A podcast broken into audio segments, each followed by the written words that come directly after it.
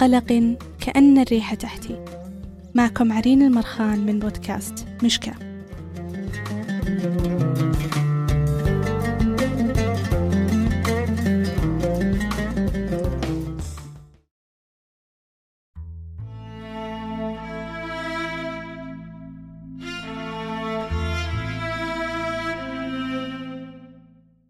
هل شعرت يوما بالفرح العارم عندما تحققت أمنية من أمنياتك؟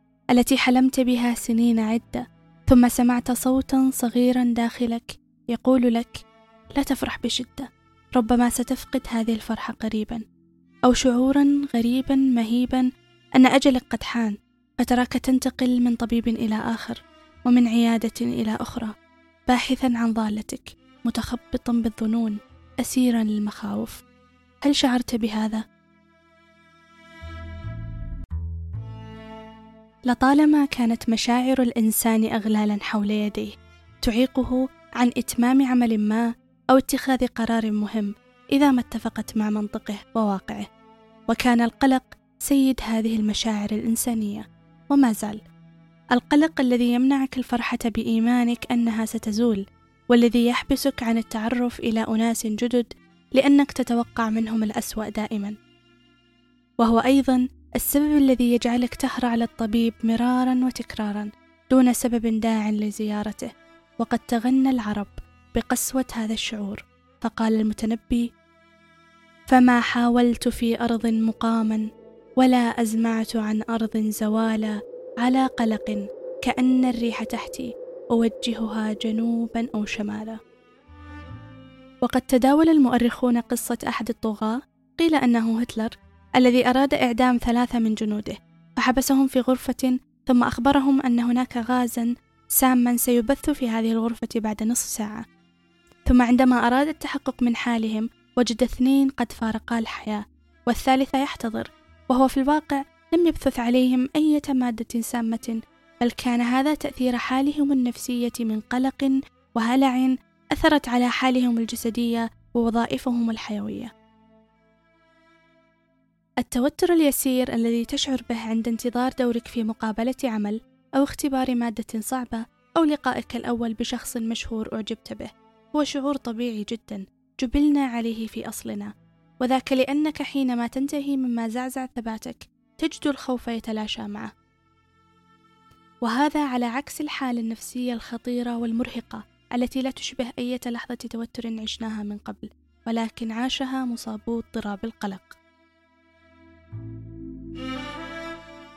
اضطراب القلق الذي يسمى بالإنجليزية anxiety disorder هو حالة نفسية وفسيولوجية تتركب من تضافر عناصر إدراكية وجسدية وسلوكية لخلق شعور بعدم السرور يرتبط عادة بالضيق والخوف والتردد ويعرف أيضا بالتفسير المضخم والخاطئ لأفكار وأحاسيس جسدية يسيرة في أحيان أو غير حقيقية في أحيان أخرى.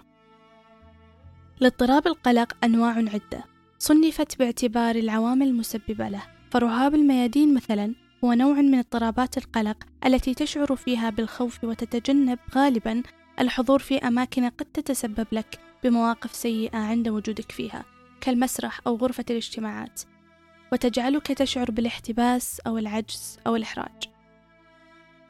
وهناك أيضا اضطراب قلق الانفصال وهو اضطراب في الطفولة يتميز بوجود قلق مفرط عند الطفل يتعلق بالانفصال عن الوالدين أو غيرهما ممن يتصلون بأدوار أبوية في حياته.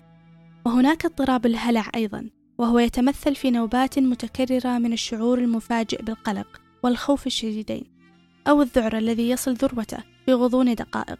قد تشعر بهلاك محدق أو ضيق في التنفس أو ألم في الصدر أو سرعة وخفقان في القلب. والمحفز السلبي لهذا النوع من القلق خوفك من حدوث أمر سيء مرة أخرى أو رغبة لتجنب المواقف التي كونت تجاربك المؤلمة وغيرها من أنواع القلق التي لا تعد ولا تحصى. هناك نوع من أنواع القلق يسمى اضطراب الوسواس القهري وبالإنجليزية Obsessive Compulsive Disorder واختصاره OCD هذا الاضطراب يعرف بأنه نمط من الأفكار والمخاوف غير المعقولة أو الهواجس التي تدفع المصاب إلى فعل سلوكيات متكررة قهرية وتتداخل هذه الهواجس والسلوكيات القهرية مع الأنشطة اليومية وتسبب الانزعاج الشديد.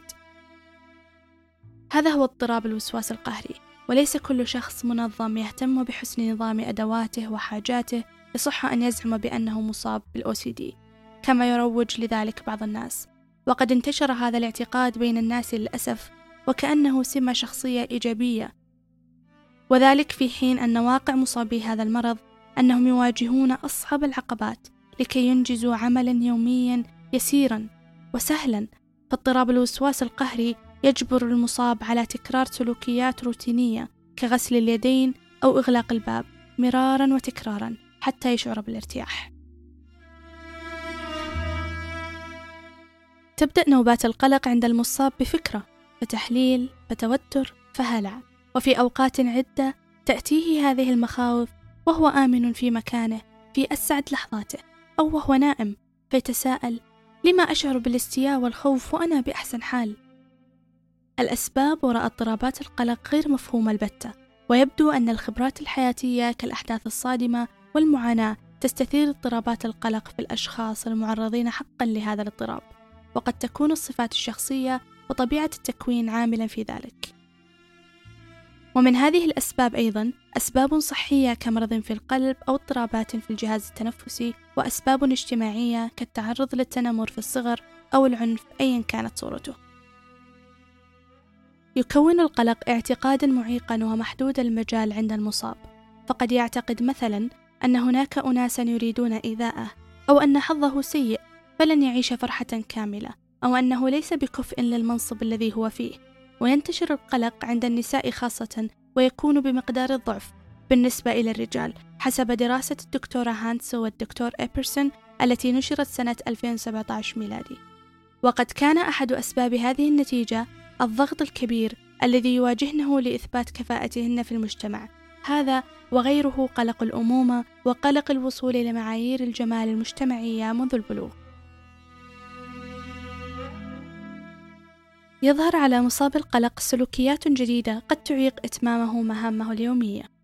وقد يصاحبها الجفل أو كما نسميه بالعامية النز والانزعاج من الأضواء والأصوات العالية.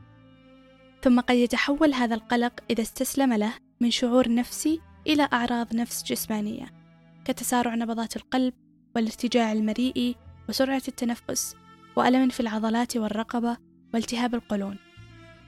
أو أعراض مرهقة أخرى كالأرق والعزلة والمماطلة في العمل وتضييع كثير من الفرص الثمينة خوفا من حدوث الأسوأ.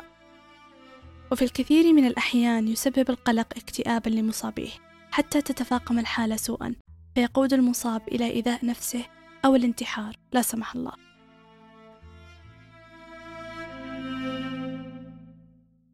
حاول قبل أن تتفاقم نوبات الهلع فتمنعك من إنجاز أيسر مهام حياتك.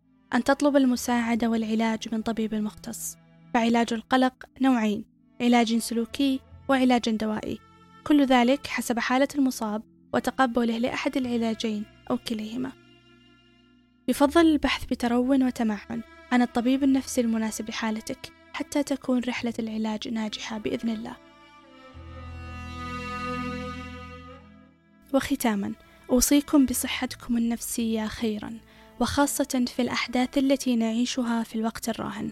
فداء الروح أشد على الإنسان من داء الجسد أو كما قال الطبيب أبو بكر الرازي مزاج الجسم تابع لأخلاق النفس. مشاعرك حقيقية وإن كانت غير منطقية ومبالغا فيها عند البعض لا تهمل نفسك واطلب المساعدة من طبيب مختص مناسب لحالتك. وشارك تجربتك مع أناس عاشوا ما عشته من معاناة. ولا تشعر بالعار من معاناتك فأنت أكبر من حال صحية تعيشها بين الحين والآخر.